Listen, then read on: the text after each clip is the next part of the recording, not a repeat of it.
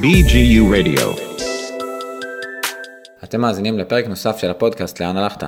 בפרק הזה ראיינתי את אברהם אליצור, שהוא אברך בישיבת בית אל, וכותב בפייסבוק כתיבה מאוד מעניינת ומסקרנת, עקבתי אחריו הרבה זמן ושמחתי על ההזדמנות לשבת ולדבר איתו. דיברנו על uh, תולדות חייו, מהולדתו בנצרים ועד uh, גידולו בפסגות והגעתו לישיבת בית אל, שם הוא יושב כבר uh, שנים רבות ושוקד על התורה. וזה באמת מעניין החיבור שלו בתור אברך די קלאסי, למרות שלא כזה קלאסי, ועולם הכתיבה, בפרט הכתיבה בפייסבוק. היה לי מאוד נחמד. אם אתם רוצים להשתתף בדיונים סביב הפרקים, אז תצטרפו לקבוצת הפייסבוק, הצד החם, הציונות הדתית חשיבה מחודשת, ושם עם כל פרק שעולה אני מנסה לפתוח איזשהו דיון סביב נושאים שעלו בפרק, אז גם הפרק הזה נמצא שם, ויש גם דף לפודקאסט בפייסבוק, אז מוזמנים ליצור קשר. מקווה מאוד שתהנו גם מהפרק הזה, שיהיה לכם סבבה.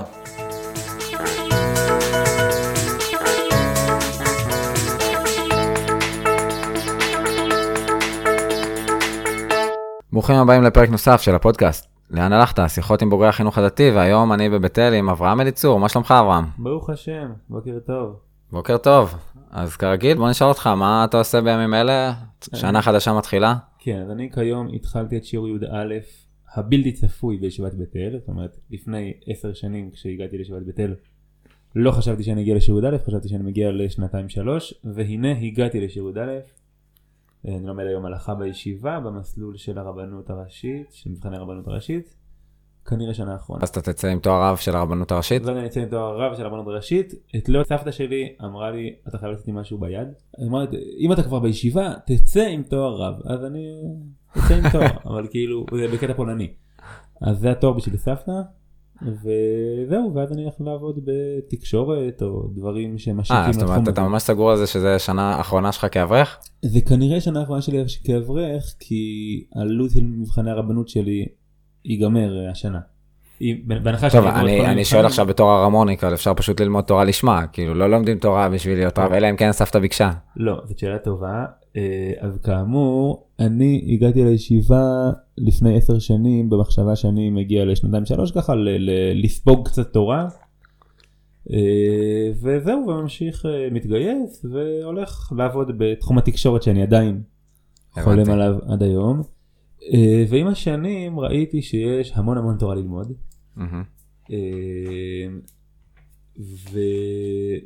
ונורא רציתי להישאר עוד ועוד. עכשיו, בניגוד לאחרים בישיבה, משיעור א' ראיתי, שיעור א' אתה עוד אומר, בסדר, כולם קשה בהתחלה, אתה מסתכל על האברכים בשיעור ה', כאילו שהם היו נפילים בעיניי, חבר'ה בני 22 נשואים, עם זקן גם, מלכים וזה, בגמרא, ואתה אומר, עוד ארבע שנים אני אגיע לשם. ואני חושב שאת השוק הרציני הראשון חטפתי בשיעור ג', זאת אומרת, כבר בשיעור א' היה לי הרושם שאנשים אחרים מסתדרים יותר, ואמרו לי, תשמע, לכולם קשה בהתחלה. אה, ובשיעור ג' אני ראיתי את החבר'ה שצעירים ממני בשנתיים שהם כבר נהיים הרבה יותר טובים ממני, ממני עכשיו. אה, חבר'ה שעד היום בישיבה, חבר'ה שאני מאוד מאוד אוהב אותם, אבל ראיתי שהם כבר עולים עליי, ובערך בשלב הזה הבנתי שלהיות בעולם התורה כל החיים זה לא בשבילי, אבל אמרתי בוא נמשיך עוד שנה ונראה מה אני מצליח, כי ראיתי שהלימוד. אני רוצה רק אם תוכל להסביר מה זה אומר עולים עליך, איך אתה מודד את זה? או, אז אה, זאת שאלה טובה. אה, יש כמה מדדים שאני חושב שהם הנחשבים נקרא לזה בעולם הישיבות. אה, יכול לנתח סוגיה, ללמוד אחרונים, כל מיני מהלכים מסובכים. עכשיו אני בישיבה התיכונית לא סדרתי מתמטיקה למרות שאני לא מאופיין כאדם טיפש, אבל עשיתי שלוש יחידות מתמטיקה כי עשה לי כאב ראש מתמטיקה. אה, אמרתי אני יכול כאילו ממש ממש לעמול כאילו וזה ולהוציא בשיניים ארבע יחידות והחלטתי שאני לא אני לא הולך לשבור על את הראש. באותו סגנון זאת אומרת לימוד העיון הוא מאוד מתמטי מאוד קשור ללשבת ולהבין את כל התהליכים המסובכים וה, והמדויקים ולרדת כאילו לרזולוציות מאוד רציניות של אחרונים ומהלכים ו... ולקחת איזשהו רמב"ם ולדייק ממילה אחת שלו שהוא בעצם סותר את הראש וזה, זה לא עשה לי טוב. אה, ולא הייתי טוב בזה. אה, למדתי עיון ארבע שנים בישיבה בבית הלומדים אה, עיון בבוקר ובקיאות בצהריים. לא כמו הר המור, שזה שני סדרים עיון לפי השמועה. אוקיי. אה, ו... וראיתי שאני לא כל כך טוב בעיון, וכן, זאת אומרת, אני רואה חבר'ה, יש שיעור כללי פעם בשבוע, או ראש הישיבה, או רם אחר, מהרמים מבוגרים, לא הייתי מחזיק ראש. הייתי, הייתי, מת- מתישהו הייתי יוצא והולך עם דברים אחרים בשיעור כללי, כי אמרתי, זה סתם, זה לשרוף אה, שעה, שאני יכול ללמוד בתורה ואני לא לומד בה. אה, עכשיו גם שיעור עיון היה כל יום או כמעט כל יום תלוי באיזה שנה אה, שיעור עיון. אה, והייתי נכנס אז יש רם אחד ספציפי בשיעור ב' שהוא מאוד מאוד אה, דינמי ובא ומדבר עם החבר'ה וכולי וכולי. בשיעור שלו בדרך כלל הייתי מרוכז. אצל הרמים האחרים הייתי מאבד ראש היינו מגיעים למחרת בוקר לסדר ולעיתים קרובות לא הייתי זוכר מה היה אתמול בשיעור. עכשיו אמרו לי כולם ככה. אה, וזה נכון ש... שהנושא, הנושא, העולם הזה של עיון, הוא מתאים לחבר'ה ספציפיים ממש, כאילו כמו כפל היד, ואחרים פחות, והרבה מתקשים איתו. עכשיו אני לא אומר גם שלא למדתי בכלל סדרי בוקר אה, ארבע שנים, למדתי ו... ו... ו... והתפתחתי הרבה, ויש דברים שאני עוד יודע וזוכר, וצורת החשיבה שלי מאוד אה, השתנתה והתפתחה באותה תקופה. אבל בסוף זה לא היה המגרש הביתי שלי, זאת אומרת תמיד לימוד העיון, לא הרגשתי שאני שוחה בו, זה דבר אחד. דבר שני, התמדה, זאת אומרת היכולת לשבת, ללמוד שעתיים רצוף, שלוש שעות רצוף, עשר שעות רצוף. אני יכול לפעמים לשבת ללמוד 4, 5, 6 שעות ממש ברצף, אבל בדרך כלל אה, סדר בוקר שהוא שלוש שעות, אז אחרי שעה אני קם רגע, מסתובב, הולך לדבר עם מישהו בחוץ, חוזר אחרי עשר דקות. זאת אומרת זה ה- היכולת אה, יום יום לשבת, כן אמרתי, אתמול דיברתי על זה עם מישהו, אמרתי לו אין לי שום בעיה לשבת יום שלם וללמוד, הבעיה היחידה היא שאחר בשעות האלה זה יותר קשה לי, עכשיו זה נשמע מצחיק אבל זה לא, למשל אני זוכר שכשהשתחררתי מהצבא, הייתי בשיעור ח' וחזרתי לישיבה פתאום היה לי כל כך כיף ללמוד, ואמרתי איך לא הייתה לי החוויה הזאת, לפני שיעור זה?" חזרת לישיבה? שיעור ח'. וואו, זה ממש התגלה. בשיעור ו' לשנה ושמונה וחזרתי בשיעור ח'. אוקיי, אה, עוד נגיע גם לצבא אני מניח. כנראה. ורגע, אה, התחתנת התחתנתי לפני. לפני הצבא. אוקיי. אז אתה אומר ופתאום, אני שללמוד... אומר, אני אומר, הגעתי ופתחתי את הספרים וכאילו היה לי נורא נורא כיף ללמוד. ולא הבנתי איך לא היה לי הכיף הזה לפני זה, ואחרי שלושה ארבעה ימים כן הבנתי. כי באמת פתאום נהיה לי קשה. זאת אומרת באמת, ו- ואני רואה את החבר'ה הצעירים ממני שבדיוק הכישרון הזה, מה ש- ה- ה- העיון וההתמדה, שזה שתי התכונות הישיבתיות הכי גדולות, הכי, בישיבה, בישיבות. המסוימות האלה, אה, אלה יכולות שלא כל כך היו לי. תכונות טובות, אני חושב, אחרות. אה, תמיד הייתי טוב בתנ"ך ואהבתי תנ"ך ובלימודי אמ, אמונה, זאת אומרת הייתי לומד רמב"ם ורס"ג, ו- זאת אומרת מורה נבוכים ואמונות ודעות וכוזרי, זאת אומרת חבר'ה ידעו שאני סך הכל מכיר, אה, אפשר לשאול אותי גם אם אני לא יודע בעל פה, אבל אני סך הכל בעניינים. אה, ודווקא במהר"ל נגיד ובכתבי הרב קוק גם אני פחות חזק, שזה גם כאילו הספרים היותר נחשבים. נכון. ישיבה הספציפית שאני נמצא בה. ישיבת בית אל, אם לא ציינת עד. עכשיו, כן. כן, יש ישיבה גבוהה בבית אל. אה, יש מקום ללימוד ראשונים, זאת אומרת אין איזה הכוונה מאוד מאוד אה, אה, ספציפית, אבל כן בגדול השדר הוא שכתבי הרב קוק זה הכי חשוב, ודווקא במהר"ל בכלל אף פעם לא הצלחתי להבין אותו, וכתבי הרב קוק גם קצת פחות. אה, זאת אומרת, אני תמיד אומר, אני הייתי, אני הייתי ונשארתי טוב מאוד בכל מיני דברים שהם לא הדברים הכי אה, נחשבים בישיבה, ולא הייתי טוב בכל הדברים שכן נחשבים לטובים בישיבה. אז איך זה יסתדר עם הסדרים של הישיבה? איך זה יסתדר? אז כמו שאני אומר, א' בשיניים. זאת אומרת באמת, אני, אני חושב, אולי אני טועה, אה, אולי אני עושה לעצמי הנחות, אבל הרושם שלי זה שתמיד דברים שבאו לאחרים בקלות באו לי בקושי. אה, וברבנות שיש לך בסוף מבחן וציונים, אז אני יושב אה, כמו כולם ולומד כמו כולם. זאת אומרת מבחינת זמן, מבחינת אה, זמן אני מתכוון, נגיד כולם לומדים שנה וגם אני לומד שנה. הלימוד שלי כנראה פחות איכותי כי אני צריך נגיד יותר הפסקות התרעננות כי באמת קשה לי לשבת כל הזמן ברצף וללמוד. אבל בסופו של דבר אנחנו מגיעים למבחן ואני למדתי לקרוא טוב וכולי וכולי ואחרים בגילאים האלה לא תמיד משנה. אה, עם 20 נקודות מעליי. אה, לזה אני מתכוון שמה ש- ש- שאני שם בשיניים. עכשיו למה אני כן שם? אה, רגע, אני אנסה לחדד את השאלה שלי, אז לא נתת יותר זמן לדברים שאתה טוב בהם, כמו תנ"ך וראשונים בנושא אמונה? אז כן נתתי לזה זמן אבל זה מוגבל זאת אומרת אתה לא יושב בישיבת בית אל שלוש שעות ביום ללמוד כוזרי או תנ"ך. אה, הייתי לומד חצי שעה זה חצי שעה מזה אבל בסוף בתשע בבוקר יש לך חברותה וסדר עיון. ולא לא, לא ברחתי משם. אז אה, כל השנים התמדת יחסית במסלול הקלאסי, זאת אומרת, יחסית, לא? זאת אומרת ארבע שנים ראשונות הייתי בעיון, מישהו היי זה פעם זה משנים קצת את המסלול, אבל בגדול הסטנדרט זה שעד שיעור ד' אתה לומד אה, עיון בבוקר ובקיאות בצהריים, ואחר כך אתה יכול לא לעבור לכולל הלכה או להישאר בעיון עד אה, כן. זקנה ושיבה. אה, אז אה, אני עברתי בשיעורי, למדתי הלכות שבת ונבחנתי לרבנות. אחר כך למדתי, אה, התחלתי ללמוד חובה וקידושין אבל אז כבר התגייסתי, זאת אומרת לפני המבחן. איזה מבחן? חובה וקידושין. אה, אוקיי. היה לי פנטזיה שישחררו אותי מהטירונות כדי לעשות מבחן. כשהתגייסתי הבנתי שזה לא מה שיקרה כי אני גם צריך את השבועיים שלפני המבחן כדי ללמוד ברצף אוקיי. ולשבועיים האלה כנראה שלא ישחררו אותי. אז השלמתי את זה שנה, שנתיים מאוחר יותר.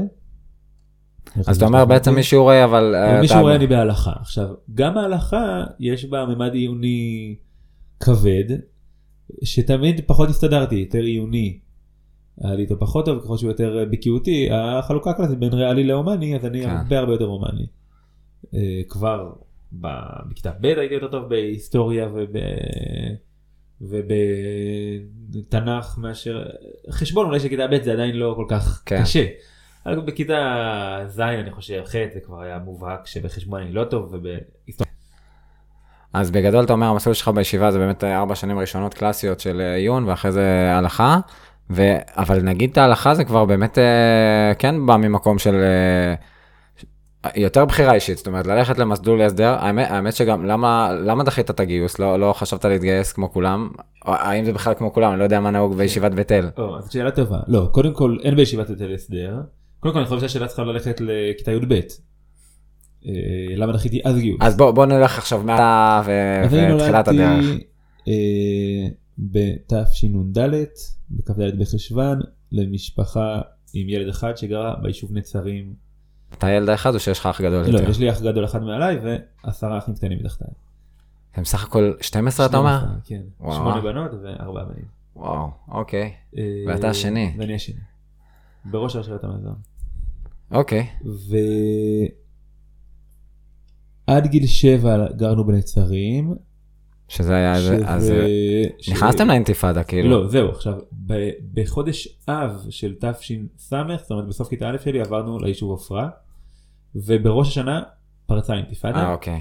ואני תמיד אומר שאני תוהה אם ההורים שלי היו בקשר עם ערפאת ב... ב- רוח. הקודש. גם, אה, לא, אחר כך שאלתי את ההורים שלי, תגידו, הייתם איתו בקשר? אז אבא שלי אמר לי, אם היינו יודעים שהולכת לפרוץ אינתיפאדה, לא היינו עוזבים את היישוב. שזה תשובה אוקיי. אה, מתנהלת כזה. אני לא מצטער על זה, ש... זאת אומרת, היינו מגיעים לשבתות עדיין, מאוד מאוד היינו מחוברים ליישוב ולאנשים, והיינו שומעים את הבומים, כאילו, אני זוכר אותנו ישנים באיזושהי דירה, אני ממש זוכר את הסיטואציה שהקיר פשוט רועד. נצרים היה זה ממש קשוח. יישוב מבודד, והיה אפשר להיכנס אליו רק בשיירות, זאת אומרת, כן. ב- כשהיינו מגיעים לבקנו, נכון. או ב- במעבר קרני, והיינו במעבר נוסעים קרני. בתוך ספארי. כן, בטח. כן, אתה מכיר, היית... יצא לי לבקר בנצרים, גרתי בבני נצרים, אז אני מכיר כל מיני סיפורי גבורה של אה, בוגרי היישוב, היישוב אה, מאוד מיוחד, אנשים מאוד מיוחדים. עופרה ו... עברנו לעפרה, היינו שם ארבע שנים, אני למדתי בתלמוד תורה במכמס, אה, 20 דקות נסיעה משם. אה, כיוון שהיינו, אני ואחי, ואז אחי הקטן, ואז עוד שני ילדים, אבל מקסימום חמישה ילדים מהיישוב, אז לא כל כך היה שווה לתת לנו אסלים בדרכים שונות ומשונות לתלמוד תורה. אה, כאמור, בגיל בתקופה- יסודי, כאילו. בג- בכיתה ג' ד', תקופ- שא' זה כיתה ג' ד', ב' כאמור זה אינתיפאדה ופיגועי חטיפה וכל היופי הזה ואנחנו בבנימין, אה, שלל כבישים שאני יכול להגיד פה נהרג פלוני פה נהרג אלמוני, אז אנחנו היינו נוסעים שם בטרמפים, היה לנו כוננות חטיפה שעשינו לעצמנו כילדים, שאם מישהו שנראה לנו חשוד אנחנו עשינו כאילו איזה. אה, המבוגרים ידעו על כאילו, זה? לא, אף אחד לא ידע על זה. לא, מה, שאנחנו נוסעים בטרמפים או שיש לנו את הסיפורי חטיפה בראש? אנחנו חיינו בסרט אקשן באותה תקופה, עצוב למדי. עצוב למדי, אה, היו הרבה, הרבה מבחינתי ניצבים שמתו, זאת אומרת, פעם אחת גם מת ממש אה, דמות. משנה, אה, זאת אומרת, אה, חבר שלי נהרג בסוף כיתה ג', נהרג בפיגוע. ילד בכיתה. ג'? ילד בכיתה ג', הוא ושני הוריו. וואו. זה היה הפעם הראשונה שממש נפגשתי עם המוות בחיים שלי. כן, זה אכן סרט עצוב למדי, אבל כשאתה חי בתוך הסרט אתה לא כל כך מודע לזה שאתה חי בתוך סרט. אז נסענו, חלק מהזמן הייתה לנו הסעה שהגיעה מהאזור של, לא יודע מי מכיר את המפן, אני. חייב לשאול, אתה יודע להסביר למה להורים שלך זה היה כל כך חשוב? מה, שזה תלמוד תורה או... נשמע, לשלוח לת- לתלמוד תורה ביישוב אחר. אז אני, אז אני אומר, זה שני דברים. המורכבות לא כל כך הורגשה, זאת אומרת, אני לא חושב שההורים שלי היו בתודעה שזה מורכב. זאת אומרת, בוא, בוא נגיד ככה, כולם נסעו באוטובוס ממוגן. אם היינו נוסעים באוטובוס ממוגן, זאת אומרת, מגיעים לשער של היישוב, היה אוסף לנו אוטובוס ממוגן עד לתלמוד תורה וחזרה. אה, אז זה שהוא ממוגן, זה כי כל האוטובוסים לא, ממוגנים. עזוב, סתם, אה, אבל- סתם אבל- לשלוח ילד. כן, ל- אז- אני אומר, אז אני אומר, זה שתי שאלות שונות, שונות, אז אני אומר, קודם כל לגבי האינתיפאדה. עכשיו, במהלך הזמן פתאום התברר שאין לנו הסעה, אז או שהייתי צריך לחכות עד 4 בתלמוד תורה כשהייתי מסיים ב-2 כדי שתהיה לי הסעה שמגיעה ליישוב, או שאיזשהו מורה שגר בתל היה עושה... בסדר, אבל סיבוב עשית את זה כמה. שנים, זה לא נכון. שנתקעת שנה נכון, אחת, נכון, כאילו. נכון, אבל אני אומר, הרבה פעמים אתה נמצא באיזושהי סיטואציה שאתה אחרי שנים אתה מסתכל אחורה, אתה אומר, זה לא נורמלי מה שקרה פה, זאת אומרת, זה באמת לא נורמלי שהיינו נוסעים כל יום. אבל אני שואל, מה ההורים שלך. אמרו על זה, כאילו? אני, אני, אז אני, אני חושב שהם סוג של זרמו עם הסיטואציה, זאת אומרת, חשבו שזה לא נורמלי, אתה, אתה, יש לך סידור לילד, כן, הוא, יש הסעה שאוספת אותו. אחר כך אין הסעה, אבל אתה אומר, אז יש לו הסעה מהצומת הבא, אז רק אה, צריך שמישהו יקפיץ אותו לשם. טוב, אז בעצם כבר במקום שיקפיץ אותו, אז הוא, הוא יהיה. אומר, זה ממש. הצפרדע בסיר הבישול, כאילו. בדיוק, זאת אומרת, כל פעם אתה כאילו קופץ עוד שלב עכשיו. זה לא שעמדנו בתוך כפר ערבי ותפסנו טרמפים, כן, ברור. קצת, אה, היינו תמיד אה, מקסימום בתוך תחנת הדלק של פסגות שהיא אה, צומת מוגן כאילו ושיש בו הרבה אנשים ו... אבל בדיעבד זה נראה לי קצת מוזר. אוקיי. אה, זאת אומרת לא מובן מאליו. עכשיו למה היה חשוב, הייתה לי אתמול שיחה מעניינת עם איזה חבר, אמרתי לו כאילו הרבה פעמים מדברים על מוסדות אליטיסטיים. אה, כי למדתי בבית ספר פרטי לצורך העניין. אגב כן. ההורים שלי אה, לא עשירים בכלל, זאת אומרת אבא שלי היה אברך באותן שנים ואמא שלי הייתה מורה, הוציאו על זה אלפי שקלים כי זה מוסד אה, שאינו מוכר או מוכר שאינו רשמי, כל כן. ההגדרות האלה, זאת אומרת לא היה לו תקציב ממשרד החינוך וההורים שילמו את זה מכיסם. מהמם. ואני מסתכל על זה אחורה, אני אומר, היינו חבורה די מגוונת של ילדים, כולנו היינו מתנחלים, כולנו היינו אה, דוסים למדי לפחות. היה, היה בינינו נושא שהוא ממד דוסי משותף. אה, והרבה עם פאות וכיפות גדולות למרות שלא כולם. רצו כי רציתי להשתלם. אה, ומבחינה סוציו-אקונומית זה היה איזשהו ערב רב כזה כאילו חלק כמוני ילדי אברכים שהיה מאוד חשוב להם שהילדים שלהם ילמדו ברמה תורנית יותר גבוהה. חלק ילדים של אה, ספרדים ש"סניקים שגם כאילו לא כל כך היו מרוצים מהתלמוד תורה מהבית ספר אז שלחו אלינו חלק ההורים שלהם היו עולים אמריקאים. זאת אומרת כן. אמרתי אם תיקח אם תעשה אספת הורים אין אדם אחד בחדר שתסתכל עליו ותגיד זה אליטה של הציבור הדתי לאומי אגב זה בניגוד לאחר כך ישל"צ שזה כן מוסד אליטיסטי בסוג מסוים של אליטה האליטה התורנית אבל שם כאילו משפחות קצת אאוטסיידריות כן, רוב- ברובן נשמע תיאוריה יותר מדויק. אמ, אבל היה מאוד חשוב להורים שלי החינוך התורני. למדתי שם המון, היה לי מאוד טוב שם, היו לי חברים מאוד מאוד טובים. ואני חושב שלנסוע כל יום למקום אחר זה חוויה נורא טובה. כאילו, בלימוד, כאילו, של הילד בבית כן, ספר. כן, זה סוג של עצמאות, סוג של... אפילו נקרא לזה במירכאות לראות עולם, זה לא לטוס לאמריקה. אבל אתה כל יום אתה נוסע על הכביש, אתה רואה את היישובים מסביב, אתה פוגש ילדים מיישובים אחרים, כן. אצלנו יש תנועת נוער כזאת, אצלנו יש תנועת נוער כזאת, אצלנו ככה, אצלנו ככה, זאת אומרת, יש איזשהו, כמובן הנושא הדתי בכלל לא עניין אף אחד, זאת אומרת, אני זוכר שבאזור קיצונים ספרדים, יש עדיין אנשים שחושבים שהוא משמעותי. אוקיי. אומרת, אצלנו זה ממש כאילו ההבדל היחיד היה עם החזן בנוסח הזה או בנוסח הזה אבל אה, כיוון שזה לא, לא דיבר לאף אחד כן. רגע, אז שם למדת עד כיתה ח'? עד כיתה ח', אז למדנו בעיקר תורה, אה, שיטת ברקאי מדברת על חמש, בין חמש למקרא בין עשר למשנה, מהמם. אז סיימנו כמעט את כל התנ"ך, יש, יש לי ידע מאוד מאוד טוב בתנ"ך שהיסודות שלו הם שם, אה, אחר כך זה לא היה עובד בלי חזרות, אבל היסודות שלו הם שם. אחר כך למדנו במשנה ולמדנו חשבון באנגלית כמה שעות בשבוע והיסטוריה ולשון, זאת אומרת כן הגעתי ברמה בסיסית במקצועות האלה לישל"צ שגם היא לא הייתה אה, כן. איזשהו מקום שמחפש את הדוברי אנגלית. אה, אז הסתדרתי פחות או יותר בארבע יחידות אה, אנגלית ו... סליחה. ארבע יחידות מתמטיקה עד שהבנתי שזה קשה לי. אבל אני לא חושב שזה בגלל תלמוד תורה. זאת אומרת, יכול- כן, בניגוד זה... אה, בניגוד. לתלמודי תורה אחרים שזה ממש הכל קודש וכולי אבל זה נראה לי יותר בעולם החרדי. אז בישל"צ נשמע לי די טבעי ללכת אה, לבית אל אחר כך. נכון, כאילו. אז זהו, אז, יפה, ואז הגעתי לארבע שנים בישל"צ. עכשיו גם בישל"צ, אני חושב שהסיפור הזה של משהו שהוא נראה נורא נורא טבעי ונורא נכון ונורא כיף, ואחרי שנים אני אומר, רגע, זה לא כל כך נורמלי, זה הסיפור של הפנימייה. ואני אסביר מה שאני חושב היום ומה שהרגשתי אז ומה שביניהם. יש, פנימ... בגדול ילד צריך בית, לישון בבית ולהיות עם ההורים וזה, אפשר להגיד שחוויה, שפנימייה זה חוויה טובה אז מדי פעם לעשות לילות בפנימייה, חצי פנימייה וכולי.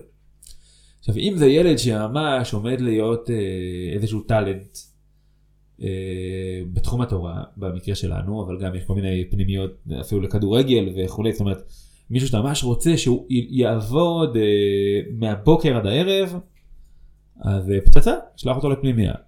אבל כאילו זה לא נראה לי שזה גם לא תמיד היה המסלול הטבעי זאת אומרת. היה כאילו כן. את הישיבות התורניות כלומר מאוד נחשבות שבהם אתה לומד מהבוקר עד הערב ויוצא והולך להיות אה, רב אה, קהילה. נראה לי ישיבות התפתחו עם פנימייה בעיקר, אה, בטח בציבור הדתי-לאומי זה בזכות אה, הרב נריה, שרצה אה, גישה מלאה לחינוך של הילדים. קצת אה, בן גוריוני.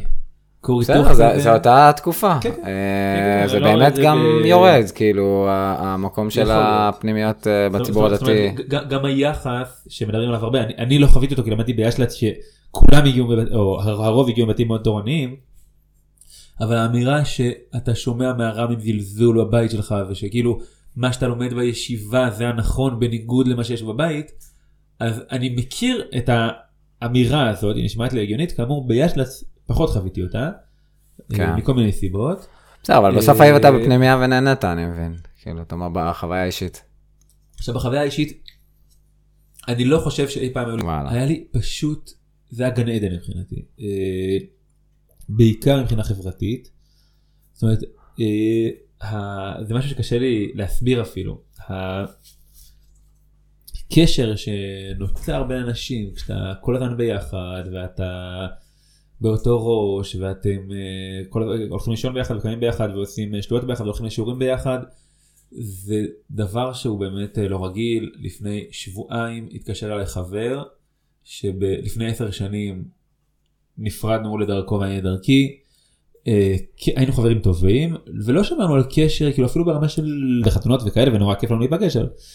התקשר אליי וביקש ממני עזרה באיזה משהו שאני אתן לו עצות באיזשהו תחום. זה היה הכי טבעי בעולם. זאת אומרת, כן. בעולם שעשר שנים לא פגשתי אז כאילו אני יודע שזה לא טבעי זאת אומרת שמחתי לקבל את ההודעה ממנו ואני אומר לעומת זאת בבית אל שזה כאילו אותו דבר פנימייה מלאה וכולי. זה לא אה, אותו חבר- גיל. זה לא אותו גיל וזה גם לא אותו ראש. וחבר שהיה איתי שמונה שנים. יהיה לי נחמד לפגוש אותו, יהיה נחמד להתקשר אליו, אבל אני לא מרגיש שאני מקושר אליו נפשית כמו חבר שהיה איתי לפני עשר שנים במשך.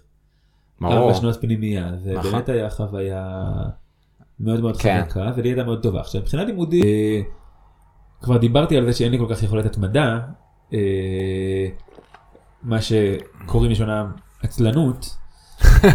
אה, אז יש לה זה מקום שמאוד מאוד לא לא מאוד משחרר מאוד לא אני עושה תנועות עם הידיים אבל אני צריך לזכור שאנשים אה, נכון, לא נכון. רואים שכשאני משחרר ועושה כזה את התנועה של השחרור אז אה, יש לזה כן. מקום שידוע כמקום מאוד משחרר.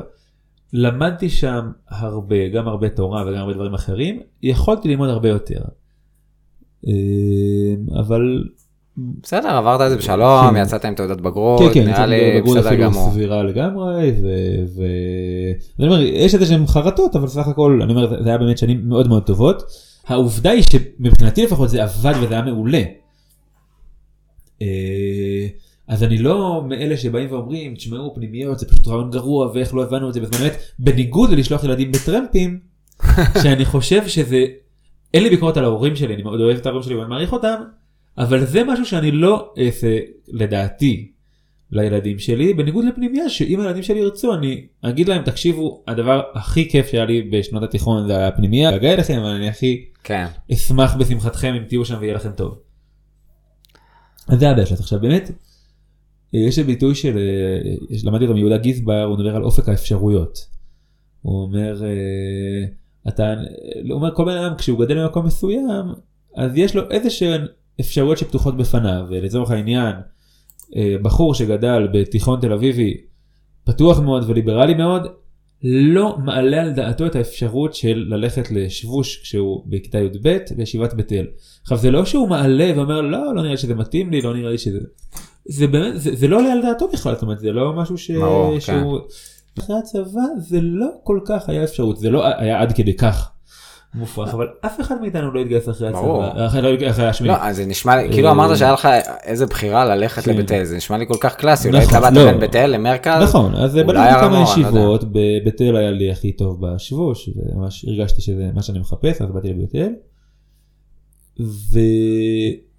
וקצת לפני זה, בשמינית, הייתה לי טראומה קלה כשגיליתי שאין לי פרופיל קרבי. תמיד היה לי כמובן ברור שאני בקרבי, אה, אוקיי. כמו המשפחה שלי, וממילא אמרתי, אני הולך לשנתיים שלוש. אחי הגדול גם היה בבית אל, אחי הגדול שגדול ממני בשנה. והוא אמר, אני הולך לבית אל לשנתיים, כי בבית אל יש לימוד רציני, ואז אני אעבור להסדר ויהיה חייב. אחי הצעיר ממני אה, הלך לגולני, אה, שירת שלוש שנים, אבא שלי היה בשריון, כל הדודים שלי, זאת אומרת, אנחנו נדע איפה שירתת? כן, בסוף תדעו איפה שירתתי. אה, היה לי ברור שאני אהיה קרבי, ואז התברר שיש לי בעין משהו עם שם לועזי ארוך, שהמשמעות שלו היא שאין לי פרופיל קרבי. וכל כך התביישתי בזה ששלושה חודשים לא סיפרתי את זה לאף אחד. ואז התחלתי להשלים עם זה, ואז התחלתי לבית אל, היו לי גם חלומות קצת על גלי צה"ל, מתישהו הבנתי שגם השערקיות הזאת כבר אה, פספסתי אותה.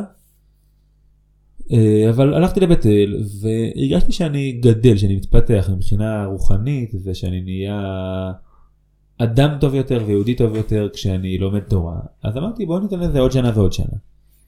ומתישהו כשהתחלתי לראות חבר'ה מתחתנים אמרתי אני יכול בעצם להתחתן כיוון שלא יהיה לי שירות קרבי אז אני יכול להתחתן כבר עכשיו ו... ואז, ואז לשרת. שאף על פי שוודאי שהשירות ייפגע מזה זה לא כמו כן. שאתה יכול להיות קרבי ואתה תלך לג'וב רק בגלל שהתחתנת. עכשיו בית אל היא ישיבה גבוהה זאת אומרת המסלול אם, אם אתה רוצה להתגייס אסתר אתה צריך לעבור ישיבה. שהוא ג' אה, רובם אני חושב לא חוזרים זאת אומרת מי שעוזב כבר עוזב. אה, אגב יש לי חברים שהתגייסו יש לי חבר טוב שהתגייס בסוף שירות ד' והוא עדיין בצבא זאת אומרת הוא כבר שש שנים בצבא הוא קצין הוא כבר רב סרן. אוקיי. זאת אומרת, אה, זה יחסית נדיר אבל כאילו יש לי גם חברים שלמדו ארבע שנים והפכו לקצינים. בכל אופן אז רוב החבר'ה אחרי גיל 22 ככה היה חוק בזמנו כמובן כל הזמן הדברים האלה משתנים כי קואליציות כן. משתנות פה יותר מהר משאנחנו משלימים אה, שנה. ו... ו... אז קודם התחתנת אבל. נכון אז אז אז יכולתי בגיל 22 לה- להתגייס בלי לעבור ישיבה ואמרתי בשיעור ד' כשהייתי בן 21 וחצי שאני כבר כן בגיל כמשפחה. אז uh, התחלתי לצאת לדייטים והכרתי את אשתי שזה סיפור מאוד מעניין איך הכרנו. נו, נו. נו. אה, זאת אומרת זה סיפור מאוד משעמם חברים משותפים בשתי מילים. ברור. אבל הסיפור הרבה יותר מעניין כי כשהייתי בכיתה ט' חבר שלי הזמין אותי אליו לשבת.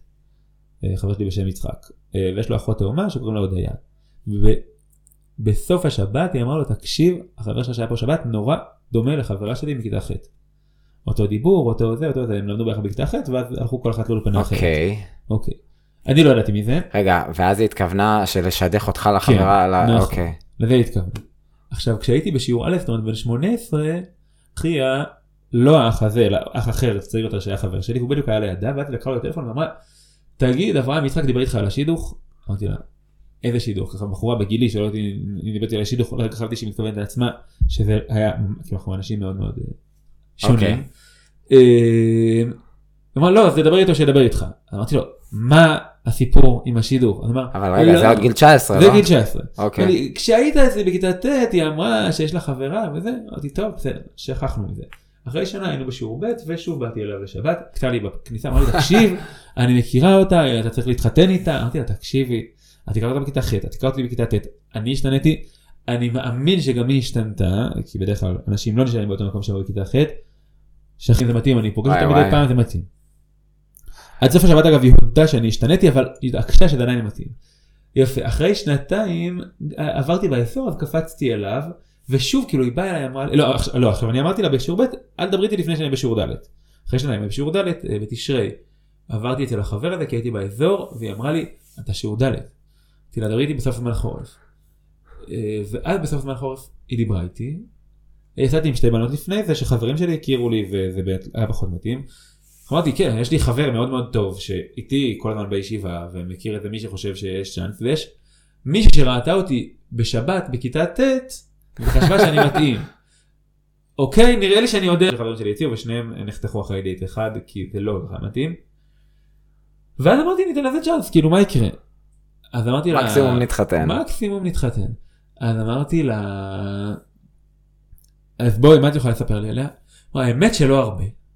כי אנחנו לא כל כך מכירות אבל אני אתן לך מספר של חברה שלה וזה טוב דיברתי עם החברה ולהפתעתי זה היה נשמע כאילו היא תיארה כמה תכונות אופי שדי התאימו לאופי שלי או למה שאני הייתי רוצה להיות באשתי אז אמרתי ניתן לזה צ'אנס. נתתי לזה צ'אנס 10 דקות לתוך הדייט אמרתי זה בוודאות הרבה יותר מתאים משתי הבחורות הקודמות שדיברתי איתן זאת אומרת אנחנו על גל דומה. אחרי כמה פגישות גם אמרתי אמרתי אני עוד לא יודע אם להתחתן אבל אני יודע מה אני מחפש זאת אומרת למד, אוקיי. יש הבנתי. אוקיי, נחמד אה, מאוד. ו- ו- ומכיר אותם קצת אומר שאנחנו זוג נורא נורא דומה. אפילו בכל מיני פרטים קטנים כלומר טעם באוכל כאילו אוקיי.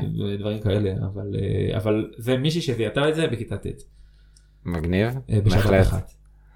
טוב, שידוך קצת יותר דופן בכל אופן. נכון.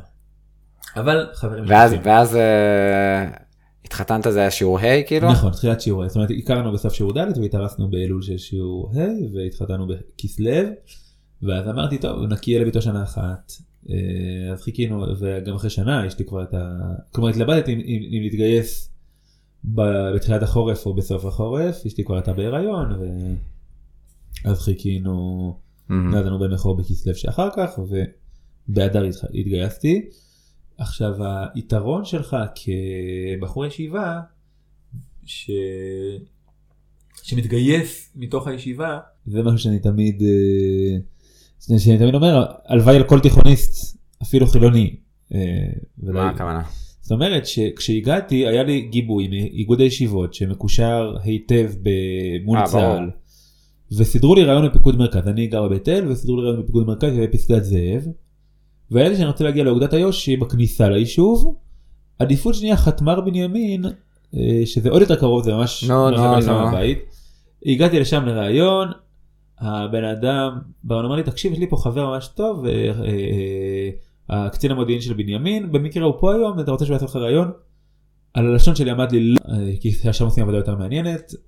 בלעתי את התשובה הזאת אמרתי בטח שאני רוצה הוא הגיע ראיין אותי וקיבל אותי וכך עשיתי שירות במרחק הליכה מהבית זאת אומרת הייתי עושה שירות כל יום מ-9 עד 6. אה, ואז הולך לישיבה. בתפקיד הרגשת בערב. משמעותי? וזה היה תפקיד מאוד משמעותי כי באותה תקופה יש כל הזמן משחקי כוח לא, לא יותר מדי נפרט כמובן כי זה מודיעין אבל יש כל הזמן משחקי דרגים השונים. זאת אומרת יש תקופות שאומרים שרוצים שהחטיבה תעשה הרבה יותר עבודת מודיעין אה, וכאילו הפיקוד והאוגדה יאצילו לה יותר סמכויות. יש תקופות שאומרים תעזבו החבר'ה של החטיבה הם לא רציניים אה, תנו להם לעשות רק את העבודה הכי טכנית כאילו לקפל מפות ודברים כאלה ולד- ולדבר ולענות לטלפונים ואת העבודה הרצינית תשאירו אוקיי. לדרגים היותר. עכשיו כשאני הגעתי היו כמה דברים, אומרת, גם היה קמ"ן פיקוד, קצין מודיעין של הפיקוד שמאוד מאוד רצה לחזק את החטיבות מתוך תפיסה שמי שבחטיבה מבין יותר טוב את השטח וגם אצלנו היו כמה קצינים מאוד מאוד מוכשרים, עם ראש גדול ומאוד יצירתיים, ויצא שאני הגעתי בסוג של תקופת מעבר, והייתי חלק מזה שממש בנינו מחלקת מודיעין שמאוד מאוד העריכו אותה. בשב"כ היו אומרים שאם מחפשים מישהו לעבוד איתו באיו"ש הם יעבדו עם בנימין, כי בנימין הכי, וואלה. הכי אה, בראש, בראש שלהם.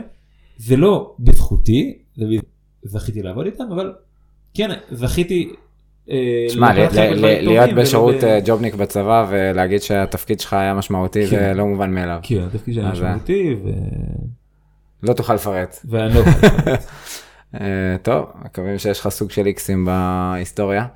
אה, אז עשית צבא, חזרת, תכלס, אוקיי, באמת אה, מסלול סך הכל מה שתיארת יחסית קלאסי, עם כל מיני כן. טפטופי רעיונות מסביב. נכון, ואז אני חוזר לישיבה בשיעור ח' ואני בעצם אומר לעצמי, עד עכשיו הייתי בישיבה כי הייתי חייב, כי, כי דחיתי גיוס. לא כשאתה דוחה גיוס, אה, פתח סוגריים, יש איזשהו פער בין החבר'ה, זאת אומרת, אני, הציעו לי כל מיני עבודות, כל מיני, הציעו לי נגיד להיות מדריך בישיבה התיכונית בבית אל בני צבי, להיות מדריך זה משהו שכשאני הייתי בישל"צ חלמתי עליו בעצמי, אוקיי. ו... ואמרתי מה זאת אומרת אני כרגע דוחה גיוס כי מדינת ישראל אמרה לי אתה מקבל עכשיו אשראי לדחות גיוס כי אתה כי אנחנו מקבלים את טענתך שלימוד תורה זה דבר חשוב. באיזה קטע אתם מצפים ממני עכשיו ללכת, ל... ל- ללכת לעבוד. אוקיי. אה, יש חבר'ה אחרים שכן עבדו כן אה, כל אחד ועניינו Mhm. אני אמרתי זה לא לא מתאים עבדתי שעת אה, כן, לשטוף אוקיי. איך זה זה בית אבל. ואחרי הצבא אתה אומר תכלס עכשיו הבחירה האמיתית זאת אומרת האם באמת לימוד תורה זה דבר שאני רואה אותו כערך כמשהו שהוא חשוב ש... שאני חושב שהוא ישפיע עליי ושהוא יעזור לי להיות אה, אדם טוב יותר ואדם שמביא טוב לסביבה שלו או שסתם למדתי בשביל לדחות גיוס. אה, והתיישבתי והתחלתי ללמוד. אני חייב לציין שאיך שאתה מציג את זה קצת, יכול להיות שלמדת עד גיוס, נכון. התגייסת וסיימת, אבל בסדר. נכון, נכון, ודאי שזה לא חד חד ערכי, אבל כאילו אמרתי לעצמי, בגדול לא, הרגשת לא. שללמוד תורה יהיה לך נכון. אני, אחדד את זה, אני אחדד את זה. אה, בחרתי בחירה הקלה, זאת אומרת ללכת בתלם המוכר, שהם ישיבה תיכונית אה, תורנית, ללכת לישיבה, ולדחות גיוס ואז להתגייס. אה, עכשיו זה שמשהו נוח, לא אומר שהוא לא נכון. כן, אבל תהיתי לעצמי הרבה, האם עשיתי את הדבר הזה בגלל שהוא היה נוח או בגלל שהוא היה נכון. הבנתי. ואחרי הצבא הרגשתי ש... שאני מאמין שהוא נכון, שהוא יביא טוב לחברה שבה אני אחיה ולחברה שבה אני עכשיו וגם לי. ולא מזמן ראיתי חבר של פייסבוק, חבר שלי שעכשיו מתחיל שיעור ח' גם הרבה אחרי צבא והוא אברך, אה, הוא דווקא בישיבה פחות אה, שמאופיינת כאברכית מבית אל והוא אמר אני לא עומד להיות רב אבל אני מאמין שהלימוד הזה יהפוך אותי ליהודי טוב יותר ליהודי עמוק יותר. אה, ומאוד מאוד הזדהיתי עם זה זאת אומרת היום אני מוקף באנשים שיהיו רבנים. אה, או שהם יהיו רמים בישיבות או שהם יהיו כן. רבני יישובים או שהם מחנכים, יהיו. מחנכים אפילו כן זאת אומרת ודברים כאלה בעולם התורה. ואני כמו שאמרתי אני בשיניים בעולם התורה אני מאוד מקווה שאני אצליח ללמוד בהיקף משמעותי גם אחרי הישיבה הגבוהה דף יומי שזה ברור לי שאני כאילו זה זה זה יסוד שאני וד- אתה דף כבר יומי בדף היומי? כן כן אוקיי. שאני ודאי כאילו אם אני לא אצליח בדף יומי זה ממש יהיה קטסטרופה מבחינתי. אבל אני מקווה שאני אצליח גם אה, הרבה מעבר אבל אני לא יכול להבטיח את זה לעצמי. והיום אני אה, לומד. וראשית אמרתי לעצמי בסוף שיעור ד' למדתי הרבה תורה אבל אני לא יודע הלכה. אני לא יודע, היה לי קצת חברותה בהלכה אבל לא משהו רציני. עכשיו אני עדיין לא ברמה שאני ממש יכול לפסוק בהרבה תחומים, זאת אומרת בסוף אני כראשון הבעלי בתים פותח להלכה, בסדר. אה, איזה אבל תיאור אה, מדויק. אבל אה, פותח פני להלכה במחשב לפעמים כאילו שזה בכלל כבר אה, אבל אה, אבל אני אני אני תמיד אומר אני לא אהיה רב אבל אני חושב שיש כל קהילה צריכה אדם שכשאתה מגיע לבית הכנסת אתה אומר לו "וואי, אתה, אתה, אתה יודע מה המנהג הזה מה ההלכה הזאת מה אתה אומר על פרשת שבוע? זאת אומרת דברים כאלה אתה צריך איזה שהם אנ- אנשי אשכולות כאלה אנשים הם אנשי תורה והם לא רבנים והם לא נושאים באיזשהו תפקיד, אה, צריך הרבה כאלה, ואני בונה את עצמי במטרה להיות כאלה, למדתי הלכות חובה לקדושין והלכות אה, תפילה וברכות והלכות איסור והיתר, ונכשלתי במבחן באיסור והיתר וניגשתי אליו עוד פעם, ואני עוד לא יודע אם עברתי, המבחן מאוד קשה, זאת אומרת קשה, אפילו ברמה של איסור והיתר שזה החומר הכי קשה. וואלה. אז כולם יצאו מהמבחן הזה עם הראש בין הידיים. זה היה באב, אבל הרגשתי שכאמור אה, תעודת הרבנות היא בשביל שיהיה לי על הקיר, אבל ה- ב- ב- לא, על הקיר של סבתא, אוקיי. אה, לא על הקיר שלי, אבל אה, את התורה אני רוצה ללמוד, והמסלול של המבחן בסוף אתה תשב, וזה מבחינתי מבחנים הם כלי מאוד יעיל, אוקיי. אז אה, זאת הסיבה שאני עדיין אה, בישיבה. שנה אחרונה. אני חושב שזאת השנה האחרונה, נשארו לי שני מבחנים. אתה אני, ממשיך או אני ש... לא יודע, למבחן באיסור והיתר ניגשתי פעמיים. החומר הזה היה לי מאוד מאוד קשה, ממש לא כן. היה לי דבר כל כך קשה בשנותיי בישיבה, אני חושב, כולל לימוד העיון, כי זה לימוד, נושא מאוד עיוני, ממש.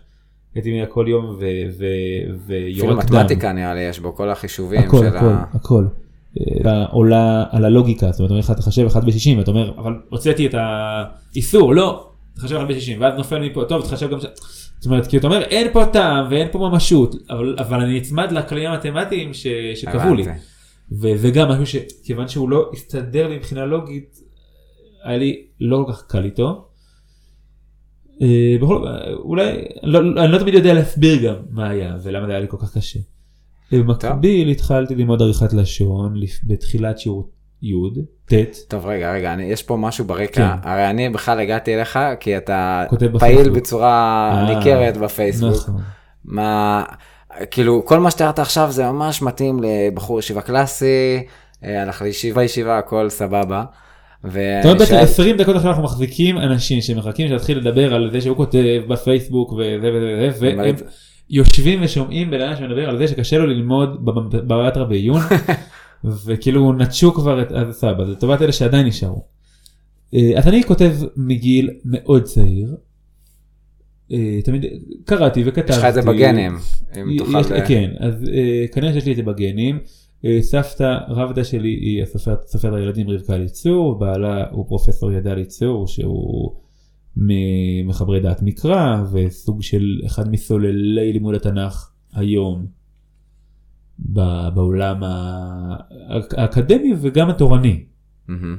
והבן שלהם, אורי אליצור הוא סבא שלי, שהוא היה עיתונאי והוא גם היה איש ציבור, והוא היה כותב בחסד עליון, אני מתפלל שאני אהיה חצי ממנו, אף על פי שאני לא בתחום שלו, אבל הוא גם אדם מאוד מאוד חכם. ו... וגם גדלתי באמת באווירה של כתיבה למרות שלא תמיד הייתי מודע לזה נגיד שסבא שלי בעולם התקשורת, כי כן. ילד לא תמיד יודע מה סבא שלו עושה, זאת אומרת התחלתי לכתוב לפני שידעתי שסבא שלי כותב. אה, באזור כיתה י"א התחלתי, פרסמתי דברים בעולם קטן, אה, סיפורים שלי התפרסמו בעולם קטן, סיפורים לא טובים. עכשיו אני גם הם- לא הם- הם- הם פרסמו ברשות הדיבור תחת. מדור של הסיפורים ממש. אוקיי. יש להם מדור של הסיפורים ובזמנו, בזמנו הקטן היה מקום מאוד יוקרתי. עכשיו יכול להיות שהוא עדיין נשאר מאוד יוקרתי בכיתה ט' עד י"ב וזה אני שכבר לא בגיל תיכון אבל כאילו הרושם שלי היה שעולם קטן היה מותג מאוד גדול ואולי היום פחות או שסתם אני פחות בעולם הזה של ה... תשמע, אני בטוח שלבחור באשטץ, ב- לפני כמה שנים זה מכובדות 12 כבר, שנים. אז לפרסם בעולם קטן כן, עם השם שלך ולא אה, ככה, כן, חברים שלי לא התלהבו ותלו. את זה על לוח מודעות, וכן, כן, זה היה... והתחלתי באותו זמן לכתוב ספר, הוא היה מאוד בוסרי, הוא נגנז אה, כעבור כמה חודשים. אה, ובכיתה י"ב פתחתי פרופיל באתר ביקורים, שזה גם אתר ליצירה, והעליתי סיפורים ושירים. סתם שאלה כדי להבין, פשוט אתה כותב כי אתה כותב, אני כותב כי אני כותב. אה, יש פה כמה דברים שקשורים לאופי שלי. אה, הכתיבה היא משהו שטבעי לי, יותר משטבעית לי הכתיבה, טבעי לי האינטראקציה עם אנשים. זאת אומרת, אני תמיד רוצה שכשיש לי משהו להגיד, אנשים ישמעו אותו. עכשיו זה קצת דברים שונים, זאת אומרת, זה, פה אני מדבר טיפה יותר על, על מחשבות וכולי ו- ודברים אקטואליים וכשאני אדבר על, הכתיב, על הכתיבה הקודמת יותר דברים כמו סיפורים ושירים. אבל תמיד הייתי אדם דעתן, זאת אומרת כבר ב- בתלמוד תורה הייתי, אפילו בכיתה א', אני חושב שהייתי להגיד, ו... ואני שומע איזה סיפור מעניין, אני תמיד אלך לחברים או קורה לי משהו, אני תמיד אלך אחר כך לספר אותו, וזאת אומרת, תמיד זה, זה, זה, זה משהו, מבחינתי, אני חושב שזה טבעי כמו לנשום, זאת אומרת, כשאני מגלה שרוב האנשים, אם יש להם מחשבה בראש, אין להם צורך לחלוק אותה עם כמה שיותר אנשים, זה באמת ובתמיד משונה לי. טבעי כש, כשאתה, יש לך איזה ניתוח מעניין, איזה רעיון מעניין, הדבר הכי טבעי הוא לספר אותו לכמה שיותר אנשים. ו... ומתישהו גיליתי שיש דבר כזה שנקרא פייסבוק. אה, אז כשהייתי בישיבה אין לי טלפון חכם, ברוב השנים כשהייתי אה, רווק עוד לא היה לי טלפון בכלל, הייתי מתקשר הביתה מטלפון הציבורי, גם באשלס וגם בבית אל. וואו. כן. זה אה, פרט טריוויה, אני. זוכר שלי, שבלי עין הרע הקדמתי אותך בכמה שנים, ברגע שהגעתי לישיבה תיכונית היה לי פלאפון וזה, כן. אני חושב שרק נכנסו הפלאפונים, כאילו זה בדיוק, שמחתי בכיתה ט' שנפטרתי מהצורך בטלפון ציבורי, ועכשיו כן. כנראה הטלפון הציבורי אבל היה פנוי בתקופתך, שזה היה נכון, שונה כן, מאצלי, כאילו היה. תורות, אני זוכר שהייתי, היינו ארבעה חמישה חבר'ה שלא היה להם אה, פלאפונים במחזור, אני חושב שבשמינית זה כבר היה רק שניים. עכשיו חשוב להגיד שאני אדם מאוד מאוד משפחתי, זאת אומרת, אני מדבר עם ההורים שלי שלוש ארבע פעמים בשבוע, שיחות של 20 דקות. כ- אוקיי. כתלמיד ישיבה ודאי, היום בשבועות טובים עדיין. מהמם. אה, זאת אומרת, היו לי חברים ששיחה של חמש דקות לפני שבת וסלמת. מה, כן, אתה אומר, אה, שוב, זה דבר שנראה לי משונה, זאת אומרת, זה כל כך טבעי לי הקשר הזה המשפחתי שאני מתקשר, וגם הייתי מתקשר שיחיו, אני עדיין מתקשר, יש לי סבא אחד עדיין ואני מתקשר גם, אבל סבתא שלי כל יום שישי אני מתקשר אליהם. כן, אה, וכן, והייתי עושה את זה בלי טלפון, בלי פלאפון, אה, לא חסר לי. באזור שירות ד' הרגשתי שזה מתחיל להיות חסר לי הרבה לפני שלב הדייטים, אז קניתי טלפון, אגב, בסדר, אבל לפייסבוק הגעת. מהמחשב, לא? זהו, אני רק אומר, לכל האחים שלי היה, כל האחים שלי, ההורים שלי לא קנו לנו, אבל כולם עבדו כן. וקנו לעצמם טלפונים. אני יחסית נשארתי עד גיל די מאוחר עם השריטה הזאת. אתה יודע מה מאכזב שזה אפיק, לא, וזה אני נראה בכלל- שסתם, כן, אה, כן, במקום טבעי כזה, כאילו היה לי נוח בלי טלפון, כן. הסתדרתי בלעדיו. אה, אני חושב שהרבה אנשים יש להם, שיש להם פלאפונים לא באמת צריכים אותם. אה, אנחנו גם הולכים ונעשים חברה שיותר ויותר צריכה את זה. אבל כאילו ילד בכיתה י' יכול להסתדר בלי טלפון, הרי ההורים שלי הסתדרו בא- באותו שלב בלי טלפון. בסדר, אבל זה טיעון. חלש, כאילו, לא, לא, אני חושב שזה טיעון טוב, כי אמרתי אני לא צריך את זה, אז אין סיבה שיהיה לי משהו שאני לא צריך. כן, אבל זה נכון לך ברמה האישית, ש- נכון. שאתה אומר, אני לא צריך, ואז אני לא אעשה את זה, אבל הבונוסים שזה נותן, נכון. הם מאוד גבוהים, ולגיטימי בעיניי לגמרי להגיד, ברור. לא, לא. כאילו, לא אני יודע. לא חי רק על דברים שאני צריך, גם, ואם מישהו רוצה לקנות בגד קצת יותר יפה, אז נגיד לו, לא, אתה לא צריך את זה, אה, לא. אין בי שום שיפוטים, כן. ולא נעים תהיה לי שיפוטיות כזאת, כי אני אשאר לבד. אה, זה דבר ראשון, זאת אומרת, וגם אז, כאילו, לא חשבתי שאני האידיאל וכולם, כן, אני אידיאל ספרטני כזה וכולם בורגנים נהנתנים, ש... אבל... אה, אבל כן, אני חושב שיש משהו מאוד טוב ובריא נפשית לבן אדם, שהוא ידע להגיד, את זה אני צריך ואת זה אני לא צריך. זה אני מסכים איתך לגמרי. ו... ואת זה אני לא חייב, וזה שיש לכולם משהו לא אומר שגם אני צריך אותו. עכשיו היום יש לי טלפון שאני אראה אותו לך, אה, ש- מקשים. כן, מקשים, שחור, אה, קטן, בסדר. ואין לי, אין לי לא טלפון חכם ולא אינטרנט בטלפון. עכשיו, אין, אין פה אידיאל. אידיאל בוא נגיד בל יעבור. אני אומר, הנזק מבחינתי עולה על התועלת. אני יודע שאם יהיה לי טלפון חכם, אני אהיה בו כל הזמן. אוקיי. אה, זה יותר, אני תמיד אומר, זה, זה, זה לא אידיאל, זה חולשה. בסדר אני גמור. יודע שאם יהיה לי טלפון חכם אני אה, אתעסק בו כל הזמן, אני כל הזמן אה, ברשת. עכשיו כשיהיה לי אז אני אצטרך להתמודד עם האתגר יום אחד. כן. אני אעבוד באיזשהו מקום או לא יודע מה שיצריך אותי לזה. בינתיים אני אסתדר בלעדיו ובלי הוואטסאפ. לגמרי. עכשיו נחזור ל- לעולם של הכתיבה. אז בשיעור ה' התחלתי לכתוב אה, בפייסבוק. אה, היו לזה כמה מטרות, זה היה כבר אחרי שהתחתנתי וביום שהתקנו לנו אינטרנט בבית, ראוטר, אה, פתחתי פייסבוק. שאמרתי לעצמי, אני כבר צריך לפתוח. זה היה כמה דברים, גם אמרתי לעצמי, הרבה פעמים יש לי מחשבות, כמו שאמרתי, שאני רוצה לחלוק אותן עם אנשים. זה יכול להיות משהו חשוב, תורני או אקטואלי או כל דבר, וזה יכול להיות בדיחה, תובנה על ספר שקראתי כן. וכולי, זאת אומרת, אני, אני, אני חושב שאני כותב על דברים יחסית מגוונים. ואמרתי, יש לי רעיון, יש לי בדיחה, אני אספר אותם לחבר בארוחת צהריים. ואז אני קם ומספר אותם לעוד חבר, ואז אני קם ומספר אותם לעוד חבר, ושלושתם צחקו, אבל אני כבר לא אחזור על הבדיחה הזאת בפעם הרביעית, מיציתי, זאת אומרת, אף על פי שהיא הצחיקה את כולם ונורא כיף לי לראות אנשים שצוחקים עם בדיחה שלי, אני לא אספר אותה עשר פעמים, בסדר, כן, אוקיי. כאילו לי, לי, לי כבר נמאס לשמוע את עצמי. אני אומר, אבל אם אני כותב בפייסבוק, אז אני אספר אותה בדיחה לעשרת החברים שלי, ואז ל-20, ואז ל... כן. היה לי די ברור שמיד אני אהיה טאלנט וכל עם ישראל יעקב אחריי, מה שהתגלה כחשיבה מופרזת. אבל בהחלט אתה אה, בולט במגזר. לאט לאט. אה, אה, מגזר קטן, אני אפילו חושב שהפודקאסט הצנוע שלי בולט במידת מה. כן, אבל הכל יחסי, זאת אומרת, שאני אה, אגיד לך על זה משהו, טיפה יותר מדויק, עדיין לא הזמינו אותך למקור ראשון? אה, אני אענה לך גם על זה. אוקיי. אה, אז אני אומר, סיבה אחת הייתה באמת, כי אמרתי, ואני חושב שזו סיבה, כמו שאני אומר, הכי טבעית מבחינתי.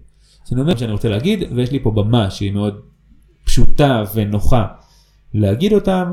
אה, זה דבר ראשון. דבר שני, גם רציתי לקרוא דברים שקור, שקורים בפייסבוק. זאת אומרת, ראיתי שזה עולם מאוד מאוד עשיר ומעניין ורציתי להיות חלק ממנו לקרוא, להגיב. אה, אבל היו לי עוד שתי מוטיבציות לכתיבה, אה, אישית. הריקית זה באמת שאני אומר, בשיח צריך יותר אנשים כמוני, כי אני חושב שיש איזושהי אמת גדולה שהציבור הדתי-לאומי מנסה להביא לעולם, וצריך אנשים ש... שיעבירו אותה הלאה. ו... וזה בכמה דברים, זאת אומרת, דווקא כשאני כותב דבר תורה על הפרשה, אני פחות מרגיש שאני מביא את הדברים האלה לביטוי. כשאני כותב משהו אקטואלי, מחשבתי, אולי קצת יותר. אבל אפילו, אני תמיד אומר לעצמי, אני, אני כתבתי בדיחה על הישיבה, סתם סיפור משעשע. מהמם. כרגע מה שקורה זה שמבחינת מאות או אלפי אנשים שקוראים את הפוסט הזה, העולם הזה של הישיבה נהיה חלק מהנוף שלהם. זאת אומרת, בן אדם יושב וקורא, אני אומר, עומר אדם שר שיר על מועדונים. אני שמעולם לא דרכתי במועדון, מבחינתי המועדון הפך להיות חלק מהעולם ה- התרבותי שלי. כן. וכשאני לתורה ועל, ועל על חיי השם, תורה בעצם. ועל חיי תורה ועל עבודת השם ועל האתגרים שלי ועל בדיחות הכי קטנות ומשעשעות. העולם הזה שבו אני חי הופך לחלק מהנוף. ואני חושב שזה עולם שהוא ראוי להפוך לחלק מהנוף. רוב העוקבים שלי העולם הזה הוא כבר חלק מהנוף שלהם. זאת אומרת בסוף פייסבוק ידוע כתיבת תהודה שמשדרת לכל אדם אה, בגדול את אותם דברים. אה, חוץ מאנשים מאוד מאוד ספציפיים. בסדר, אוקיי. אבל אני אומר אפילו סבא שלי בזמנו אמר אה, שלשכנע את המשוכנעים זה חשוב לא פחות מאשר ואולי יותר מאשר לדבר הוא אמר לערוך הוא ערך את מקור ראשון הוא אמר 25 שנה היה לי- טור ביד זה יותר חשוב. אוקיי. ו... וגם אני קצת הרגשתי ככה זאת אומרת מרגיש ככה זאת אומרת אני אומר יש עולם דתי לאומי מאוד רחב שאם אני יכול קצת לספר לו שעולם הישיבות הוא עולם שיש בו אהבה ושמחה והומור וצחוק ו... ושמתפתחת בו איזושהי סימפתיה לעולם שבו אני נמצא ולדילמות שלי ולערכים שלי. זה שליחות שהיא חשובה. מעבר כאמור לזה שלפעמים אני כותב משהו ו... ואנשים משנים את דעתם מתחדדים בדעתם בנושאים אקטואליים שעל הפרק. כן. זה דבר ערכי. מבחינה איש מקצועית, התחום שאני טוב בו ושתמיד ראיתי את עצמי מתמקצע בו בחיי זה התחום של הכתיבה. עכשיו כשאני כותב פה אז א' באמת אנשים מכירים אותי יותר ויותר זאת אומרת אני חבר של בפייסבוק של עיתונאים בשבע במקור ראשון ואפילו לא עלינו ממקומות אחרים וכאילו קצת יותר רואים אותי וקצת יותר מכירים אותי. ויום אחד כשאני אחפש עבודה יכירו אותי ומה שלא הבנתי אז אבל אני מבין היום שזה הרבה יותר חשוב אה, כמו שאם אתה רוצה להיות טוב בכדורגל הפתרון היחיד הוא לשחק הרבה הרבה כדורגל אם אתה רוצה לכתוב טוב כן. ואני בחמש השנים האחרונות אני חושב שאני עומד על ממוצע של שעה כתיבה ביום פחות או יותר. אה, משתנה כמובן מ- מלהם כי לכן קוראים לזה ממוצע. זאת אומרת אין לי אין לי איזה כן, ברור. אה, אה, אה, סף מסוים. סדר כתיבה. סדר כתיבה אבל אבל בסוף אז אני כותב אה, סיפור מצחיק על התור שהיה לי בזה או ההוא שנפגשתי איתו לאחרונה אפילו סתם התחלתי להיזכר בכל מיני סיפורים משעשעים שהייתי בהם. אה, נגיד יש סיכוי שתכתוב. הוא לכתוב על זה. איזה כיף. בעיקר על זה שאיחרתי ב-20 דקות מה שאתם לא יודעים כי זה לא רדיו אבל זה הפדיחה רצינית. אוקיי. אה, כן זאת אומרת קורה לי משהו מעניין כמו הפודקאסט הזה או כמו הרבה דברים אחרים וגם כן. משהו לא מעניין יכול להפוך למעניין אם אתה רואה את הדברים המעניינים שבו. אה, ואתה אומר אני אומר שב לכתוב על זה. עכשיו בסוף אם לא היה לי קהל לא הייתי כותב. נכון. ועובדתית אולי זה סוג של חולשה. אפילו לאחרונה חולשה מאוד היינו- אנושית. נכון. אפילו לאחרונה היינו חולים בקורונה והתלבטתי אם לפרסם קצת כאילו סוג של יומן אה, התאוששות. ואמרתי לעצמי אם אני לא אשב ואכתוב את זה במטרה לפרסם אז אני לא אכתוב את זה וחבל כי עוד חמש שנים יהיה לי נורא נחמד לקרוא את החוויה של הבידוד אני לא יודע אולי לא עלינו עוד חמש שנים עוד יהיה קורונה ועוד אה, נתבודד שלוש פעמים וזה לא יהפוך לדבר מעניין בכלל אבל בתקווה. אופטימית כן. שזה יהיה משהו שמאחורינו אז יהיה לי כאילו משהו להיזכר בו כי כתבתי אותו ושמרתי אותו בקובץ ואם, ואם לא הייתי מפרסם אותו אז לא הייתי כותב יכולתי לעבוד על עצמי להגיד תכתוב אותו ותפרסם אותו ואז בסוף לא לפרסם כנראה שזה היה עובד רק פעם אחת. עכשיו באמת יש דברים אישיים שאני לא מפרסם היה לי איזה סיפור עם הבן שלי בבית חולים ברוך השם לא משהו אה, מאוד אה, קריטי אבל אני זוכר שאונליין זה, זה כן הסיפור יחסית חריג נכנס לו משהו לאוזן. ו... ואמרתי לעצמי זה סיפור נורא מעניין ואני יכול לכתוב אותו בצורה מעניינת והוא יקבל המון לייקים שזה פיתוי גדול אבל אני לא עומד לכתוב אותו כי זה היה משהו עם... כן. אה, וזה לא שייך לפרסם את זה זאת אומרת זה גם איזשהו אצבע על הדופק שאני לא נכנס למקומות מאוד אינטימיים ומאוד אישיים כן. אבל כן מספר על החיים חייב שלי. רגע לשאול שאלה לא קשורה או חצי קשורה מה הקשר שלך עם צוד בדיחי כי בתור עוקב בפייסבוק לא ברור לי מה קורה שם. זאת שאלה מצוינת שגם אני שואל. אתה אה, גם שואל אני גם שואל. לא אז אני אגיד ככה אני עוקב אה, בעיקר אחריך ואני קולט שיש שם קטע עם צוד נכון, כאילו לא נכון. הבנתי. אז. ככה, קודם כל, לא יודע מה, אה, מי מהמאזינים מכיר אותי, את צוד ודאי כולם מכירים. אה, צוד בדיחי, אני הפוך, כן, לא, כן, אני מכיר אל אותך. תשחק. אה, צוד הוא יהודי מאוד נחמד, גר בקריית שמונה, לא פגשתי אותו מעולם. הכרנו דרך הפייסבוק. לפני, בזמנו הוא פתח איזה דף שמסתלבט עליי ולא ידעתי מי פתח את זה ובמשך שנתיים חשדתי בכל מיני אנשים על שהבנתי שזה הוא. אוי מעולה. כן, מעולה, זה היה, הביך אותי בטירוף והצחיק את אשתי ברמה שבאמת קשה לתאר. אה, מה הוא כתב אה, דברים שאברהם אליצור היה ראוי שיכתוב כזה? אה, כן, הדף לכבודו של אברהם אליצור. כאילו היה לוקח את הפוסטים שלי, עושה צילום מסך ומסתלבט עליהם, כאילו, כאילו, כאילו מול מעריצים כזה, מאוד מוגזם ומביך. באמת לא ידעתי מי לקרוא אותו היום, הייתי מבין שזה הוא, כי זה טביעות אצבעות שומניות מאוד. אבל לא ידעתי את זה. בכל אופן, מתישהו, סליחה, מתישהו התחלתי טיפה יותר אה, להיות איתו בקשר, להתכתב, מתישהו התחלנו כאילו לעשות קצת, אה, וגם, סליחה, אני מדלג, הוא, היה תקופה שהוא התחיל לכתוב לי על הדף כל מיני דברים, כל מיני אה, בדיחות, כל מיני... מתישהו אמרתי די, כאילו הגיעו מים עד נפש, הגיע הזמן לפעולת הגמול והתחלתי לכתוב לו על הדף בחזרה. אה, ומתישהו הפינג פונג הזה הפך למשחק מאוד מהנה. ומתישהו אמרתי לו, באותו שלב כאילו רק כתבתם לך. לו, אני אומר לו, תקשיב, בוא נאחד כוחות ונתחיל לכתוב על דפים של אנשים אחרים.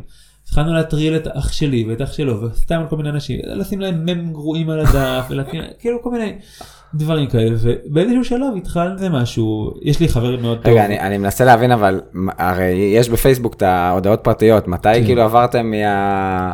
היה את השלב שהוא עשה לך עמוד פרודי בסדר ואז הבנת שזה הוא ואז כבר כאילו התכתבתם הייתה בכם לא, תקשורת רציפה. לא, לא, זה עוד לקח זמן. זה עוד לקח זמן. מת- מתישהו זה התחיל להיות ב- בהתכתבות כאילו באישי. ועדיין לא נפגשתם פיזית או שזה? ומעולם לא נפגשנו פיזית וזה מפתיע? אנשים כי אנחנו ממש עושים אה, מלא שטויות ביחד. אבל כאילו כן חושב על איזשהו רעיון ואומר לו תשמע יש לי רעיון בסיסי לא מזמן עשינו אה, קטע כאילו עצ- יש קטע שביינישים כותבים עצות לפתיחת אה, אה שנה נכון. אז עשינו קטע כזה רק על פתיחת שנת הלימודים בהוגוורטס. אז אני חשבתי, הוא ישר כתב לי חמישה סעיפים שאני יכול להכניס ל- לפוסט. אה, דברים כאלה, זאת אומרת, או שסתם אני עושה איזשהו מם. ואומר לו מה אתה אומר לעשות את זה ככה ככה, או שהוא עושה, שולח לי בפרטי, מה אתה אומר ככה או ככה. אה. איזה אז קטע. ככה נוצר שנהיה נוכל- נהיה- נהיה- נוצר מצב שאנחנו חברים מאוד טובים ועדיין לא נפגשנו, אני מאוד רוצה להיפגש איתו, אבל הוא גר בקריית שמונה, מה אני אעשה? אני לא אעשה עכשיו בטרנטה שלי לקריית שמונה. בעיה. אבל. בשביל זה, היה- אבל היה בין הזמנים, אה, ואז. הייתם עם קורונה, מה היה שם? קיצור, כן. מקווה לא, שתיפגשו. אני כן- השם. אני כן אקח את זה, אז מעניין אותי לשמוע את הזווית שלך, אני גם אה, מאוד פעיל במרחב הווירטואלי. הנושא הזה של אה, חברויות שנוצרות במרחב הווירטואלי, כאילו אני מרגיש שאיפשהו התרבות שלנו לומדת את זה, וכאילו ממה שהכרנו בעבר זה נשמע מה אה, מוזר כאילו אה, לא, אה, זה בדרך כלל היה בקונוטציות רעות אה, חברויות כאילו לא, אז קודם כל אתה, אתה שליש דור לפניי. זאת אומרת, כשאני, כש, כשהייתי, א', אנחנו בית טיפה אה, מפגר טכנולוגית, אה, אינטרנט מהיר היה לנו בבית כשהייתי רק בכיתה י"א, זאת אומרת בשנת תש"ע. בסדר, אבל 2010. סתם אני מדבר על. ובתקופה הזאת פייסבוק כבר היה קיים והיו מלא פורומים באינטרנט, זאת אומרת, זה כבר היה דבר ש, ש, שכן היה קיים, שאנשים, אה, זה היה פורומים באינטרנט, כן, שאתה עושה מפגש, אה, הסורגת פוגשת את רוקד המלאכים, אה, ככה אתה נראה, לא דמיינתי אותך, אוקיי. גבר גוץ בן 32, זאת אומרת, אה, אתה אומר שבדור שלך זה כבר נהיה זה יותר... כבר כן היה דבר שהיה קיים, פורומים כן היו לאנשים מסוימים, אה, יותר, אני חושב שיותר לחנונים, אבל אה, כיוון שאני אוקיי. מאז ומעולם לתכנון. טוב, אני שמח אה, לשמוע ש... שזה נהיה יותר מקובל עם ירידת הדורות. כן, עכשיו, אז כן, אני אומר, יש הרבה אנשים שאני הכרתי דרך הפייסבוק, שיש לי קשר אישי איתם ברמה של התכתבויות וכולי ב... ב- ב- במסנג'ר, חלקם גם זה הפך לקשר ממשי. הקשר הכי גדול שלי אה, זה בר, אה, שאני עכשיו מראה את אחד הגיליונות שלו, אבל אתם לא רואים אותם. אה, הבנתי, בר זה לא בן אדם אבל. לא, בר? זה כתב עת אוקיי. לאומנות. עכשיו אני מסתכל בכתב העת לאומנות, בר בין יוצר למקום. זמן חורף, או איזה דוסים. אוקיי, אוקיי. שהקימו כתב עת לאומנות, זאת אומרת לשירה, סיפורת, אומנות חזותית וכולי. וואו. עכשיו אני בישיבה הקמתי אלון פנימי, כשהייתי בסוף שיעור ב', איי איי.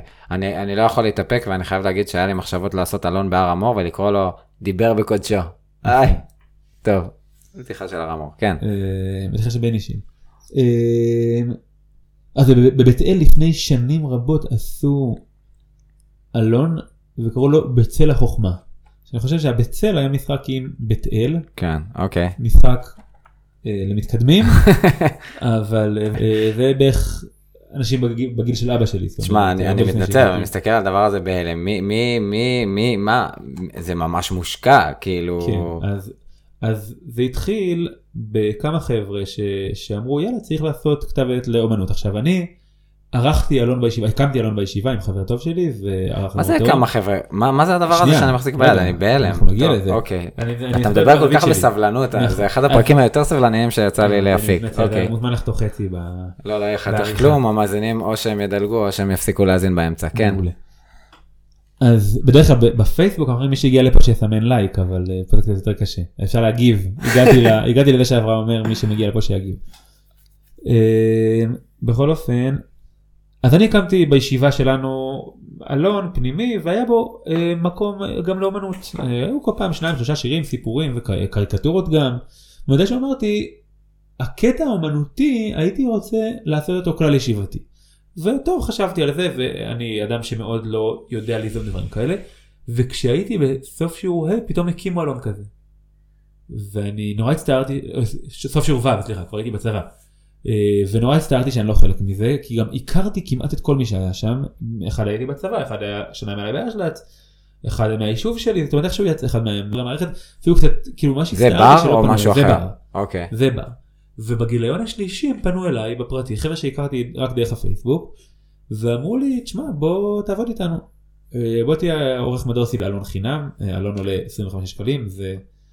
תשמע, אבל זה שווה, הסכום, זה מדהים מה אלון- שאני רואה זה פה. אלונים יפהפיים, אה. סדר גודל של 100 עמודים. אה, מדור סיפורת מונה בין שניים לארבעה, אני חושב, סיפורים. אני חייב אבל הסבר, אני, אני כבר לא יכול להתאפק. מה, מה, מה זה, כאילו, זה כל כך רציני, זה מה שאני בהלם. כאילו, אתה יודע, ציפיתי לאיזה מהדורה כן. סטנסיל או משהו כזה, זה ממש כאילו נראה, עושה חשק לקרוא.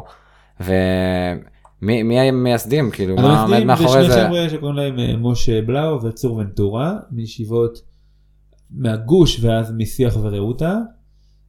אה, והם ניסו ליצור אה, מגוון של אורחים מישיבות שונות.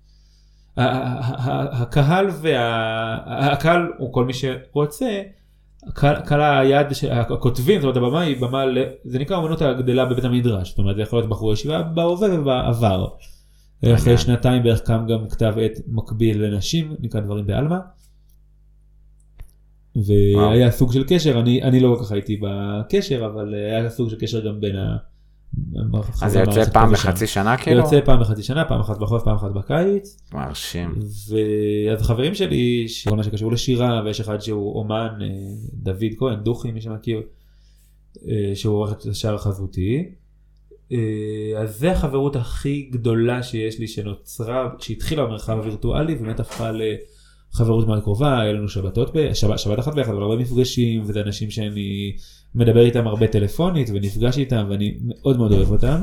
תשמע, הגיעו לגיליון ח', הלוואי שזה יחזיק, אני הגיעו אני ללא. ספק, אה, אני אדבר איתך איך. אני יכול להשיג את זה, זה ממש. מרתק. אז הגיליון הבא זה גיליון ט' והגיליון האחרון סליחה זה גיליון ט' שיצא לפני פחות אה, באלול והגיליון הבא גיליון י' הוא הגיליון כנראה האחרון שאני אהיה שותף בו וכנראה שרוב חברי המערכת יעזבו ומנסים ליצור מערכת צעירה. אוי, מה- התחושה שלך אה, שהצלחה? בני 27-8 התחושה שלי אישית נורא נורא נהניתי מזה אבל אני כבר מרגיש שזה עמוס לי מדי. לא, אני שואל אבל, לא האישית זה- שלך, כן, כן, אלא כן, אני העתיד. זה- מודפס ב-300 עותקים. אה, חלק מגיע למנויים, מנויים, מנויות, זאת אומרת מי שרוצה, וחלק מחולק בישיבות, אה, ומוכרים את זה, יש לנו נציגים בכל מיני ישיבות, והם מוכרים, ויש קונים. אה, בבית אל נגיד זה שלושה, ארבעה, חמישה, בשיח זה שלושה, ארבעה, חמישה, כי זה כל הישיבה. לא, אה, זה קצת יותר, אבל שוב. אני חייב לשאול בתור הרמורניק, זה קיבלתם, זה בטח לא אמור להגיע לשם, ואם לא, זה הגיע אז- לשם קיבלתם תגובות? אנחנו מתים שזה יגיע להר המור, אנחנו מתים גם לקבל יצירות מהר המור, אני חושב שעוד לא היה לנו אף הר המורניק, היו הרבה קווניקים, היו מתל אביב, היו ממצפה רמון, אה, זה גם יפה, אני בשוליים, עכשיו, זה... בתל אביב, אה, ישיבת מעלה אליהו, החרימו אותנו.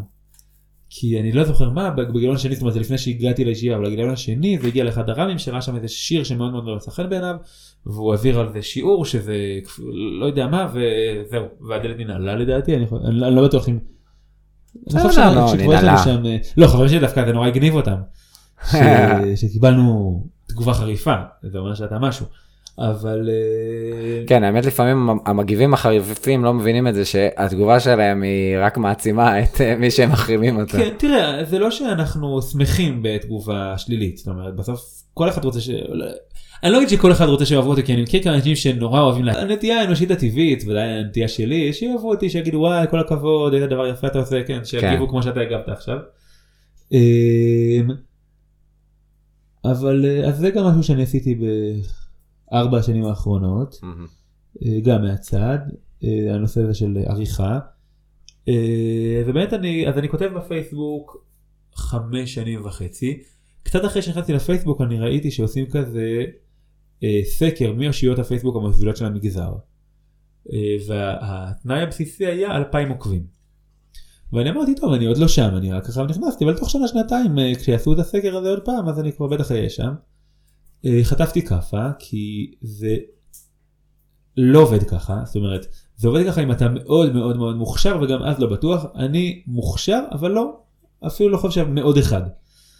אני ודאי לא מאוד מאוד מאוד. אה, אז אני עולה לאט לאט אה, כל יום מצטרף חבר חדש, מצטרף עוקב חדש, כרגע אני עומד על 2,500 חברים וקצת יותר מ-1,800 עוקבים. מה ממוצע הנקודה פוסט, היא- אה, לייקים לפוסט, זה לדעתי היא- השאלה. הנקודה היא רק שאף אחד כבר לא יעשה שאלון מי שפחות מרשים, מה שהיה לפני חמש שנים. אה, ממוצע לייקים לפוסט, אה, הייתי רוצה להגיד שכרגע אנחנו על 200, זה מרשים מאוד. זה מרשים, אה, אולי טיפה פחות, אבל כאילו זה הסדר גודל.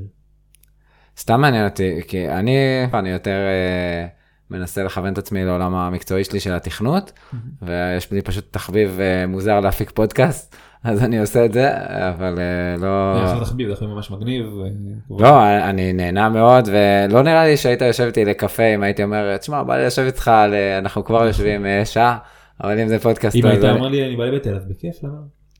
אה, לא יודע גם אם... זה, כאילו זה אולי יותר שווה מלייק אם מישהו מהמאזינים ממש כאילו משתוקק לשבת דווקא איתי מכל האנשים בעולם לכוס קפה ומסכים לנסוע בשביל זה עד הבית שלי. אני. האמת שלנסוע לבית אל זה באמת אה, יותר גרוע ממה שחשבתי, אה, במיוחד בבוקר. הייתי צריך לעבור דרך ירושלים וזה לא נורא, אנחנו בימי חופש כרגע, אז אין לי בעיה. בכל אופן, אז מעניין אותי מי היית מציין עוד, האמת היא בטח יהודה גזבר, לא? למרות שאני לא אוהב את? הכתיבה שלו. שמה? שכאילו ש- אה, אה, אנשי תוכן אה, בפייסבוק, המלצות שאתה צריך לתת. כן. נראה לי גם אנחנו חותרים לסיום, אז זה יכול להיות הבנתי. אה, שאלה אחת על המלצות אה, פייסבוק, ואחרי זה המלצה כל- לספר, וגם אם יש לך עוד דברים חשובים להגיד, אז זה הזמן. אז, אז קודם כל רק אני גם אסגור פינה כי שאלת אותי אם עוד לא הזמינו אותי ממקור ראשון אה, לכתוב. נכון. אז לא מזמינים אותך למקומות לכתוב זה גם קטע שוב אלא אם כן אתה טאלנט רציני. אה, מה שכן אה, אני קצת דחפתי רגליים אז גם התחלתי לכתוב מדור טריוויה לאחרונה באתר של ערוץ 7 ומלא אנשים אוהבים אותו. אה, ו... וזה נורא כיף. והתחלתי להיכנס נכנסתי לכתוב ביקורת תרבות בשבע כתבתי פעם אחת ואז מדור תרבות נסגר כי הגיעה הקורונה. אוקיי. אה, אז אותו הרסתי כבר ועכשיו עוד ספרים אז אה, ונתנו לי אולי תעשה לי ביקורת הסכתים. אתה יודע, במקור ראשון אה, התחילו לעשות שם במוצ"ש אה, מדור מדור הסכתים. הסכתים אז אני ו- גרוע מאוד בלהקשיב להסכתים איי, כי איי. כי אני כי יש לי טלפון ישן אז גם בנסיעות אני אין לי אין לי כן, פודקאסטים האמת. וזה הזמן שלי לשמוע פודקאסטים. נכון, בעיה רצינית. לפעמים אני טיפה שומע את דורון פישלר כשאני שוטף כלים אבל גם זה בקושי. אוקיי. אה, אז אה, אז עכשיו עומד להתפרסם אה, אני מקווה שעומד להתפרסם כתבתי ביקורת ראשונה על הספר החדש של עמית סגל שהוא מאוד מעניין ואני אחזור לפייסבוק אני חושב שיוצא רגע, הביקורת הזאת איפה היא תתפרסם? אני מקווה שלמוצ"ש זאת אומרת. כתבתי אותה בשביל מוצ"ש. בפייסבוק הדתי לאומי האיש הכי מוכשר בעיניי זה יאיר יעקבי. גם אני קורא את הספר שלו גם על מנת לכתוב עליו ביקורת. אני מאוד טוב, אוהב את ההומור אני שלו רק והכתיבה יכול אה. להגיד שברמה האישית אני הכי נהנה ממך ועוקב רק אחריך. כאילו, אני מאוד ביקורתי. אבל כאילו, יש לי את הטעם שלי, ומי שלא, אני לא ממשיך לנסות, כאילו... אז, קודם כל זה אה, מאוד מחמיא. אז אה, לא, כאילו, חשבתי אולי תביא לי שם חדש, כן, אבל אז לא. אני- את אלעד נחשון אתה מכיר? הנה, שם חדש, אוקיי. אלעד נחשון, אבל הוא כל כך דוס שיש תיוג בפייסבוק אלעד נחשון הוא דתל"ש. כי כול, כולם נורא מופתעים שהוא לא דתל"ש. הוא, הוא היה סגן חתן התנ"ך אה, העולמי אני חושב. אה, זאת אומרת הוא היה בחינות התנ"ך העולמי בדיוק בשנה שהכי גדול היה שם. אה, הוא הכי הגיע לארצי המסכם הוא הגיע לעולמי בשנה גם שאבנר נתניהו היה שם. הוא איש מאוד מאוד חכם יש לו נטייה עקבית להיות צודק. אה, זאת אומרת פשוט לכתוב דברים מאוד מאוד נכונים ויפים. אה, ו- אוקיי, זה היה נשמע גרוע. לא לא לא כן לא לא לא לא לא להתווכח כאילו ולהיות עקשן אלא הוא פשוט נורא נורא צודק כאילו אתה קורא משהו אתה אומר מה איך הוא שוב אומר בדיוק את הדברים הנכונים לא אוקיי, אה, מאוד אה, חכם מאוד מוכשר אני מאוד ממליץ עליו וכן אז יהודה גזבר אני גם אוהב את הכתיבה שלו ואני די בטוח ש... לא אמרתי את חמישה שמות. טוב, יהודית- יהיה יהיה איזשהו פוסט בפייסבוק ש... כן, יהודית כגן מאוד מוכשרת, עוז סימינובסקי מאוד אה. מוכשר, השניים האלה זה למי יהו- יהודית היא בעולם של הפנטזיה היהודית, אה, ויהודית יעל תמר כגן באנגלית, ועוז סימינובסקי גם באנגלית הוא כותב סיפורים, מאוד מאוד מוכשר, לא כותב הרבה למרבה הצער, הבנתי. אז אלה ההמלצות ככה מ... מעולם הפייסבוק. מהשרוול, אבל אני בטוח שהעלבתי כרגע מי... טוב, בסדר, חבר'ה, זה לא נגמר פה, אפשר גם לעדכן אה, בפייסבוק, ואני יכול גם בתיאור של הפרק להוסיף דברים. אמ, אז יש עוד איזה דברים שאתה תרצה להגיד, או לסיים בהמלצה לספר? אה, לא. אה, כתבתי כל אני יכול יש לי מלא ספרים להמליץ עליהם אבל אה, אז תגלה לנו משהו שעולה במוחך אה, כרגע. אה, אני אגיד משהו שהוא אה, underrated לא הרבה מכירים אותו הספרים של גיל חובב. אה, זה לא ספרי בישול? או זה לא ספרי בישול זה, ספ... זה ספרים נורא נורא מצחיקים במסווה של ספרי בישול יש לו. אה, טרילוגיה שנקראת טרילוגיית מטבח משפחתי אני חושב מטבח משפחתי, סוכריות מהשמיים ו-24 דלתות. בכל פרק הוא כותב סיפור קורע מצחוק על המשפחה שלו. אה, המשפחה שלו הוא נין של אליעזר בן יהודה ונכד של איתמר בן אבי ויש לו משפחה נורא מיוחדת מתוסבכת אבא שלו היה השדרן המיתולוגי של כל ישראל משה חובב וזה ספרים מאוד מצחיקים הוא יש לו תובנות מאוד מעניינות והוא פשוט זה בעיניי תענוג אנשים לא מספיק מכירים אותו כתבתי עליו בפייסבוק ועשו לי לייקים לדעתי רק מי שמכיר אותו. כן אתה. צודק הוא כל כך אה, מומלץ אז מסגנון כן. ממש ממש מומלץ גיל חובב. אחלה. טוב, היה ממש כיף. תודה. תודה על האירוח בביתך, ואני מוחל לך על האיחור האלגנטי, תכתוב על זה פוסט, אז זה נכתוב יהיה. התנצלות ראויה. ותודה רבה. בשמחה רבה.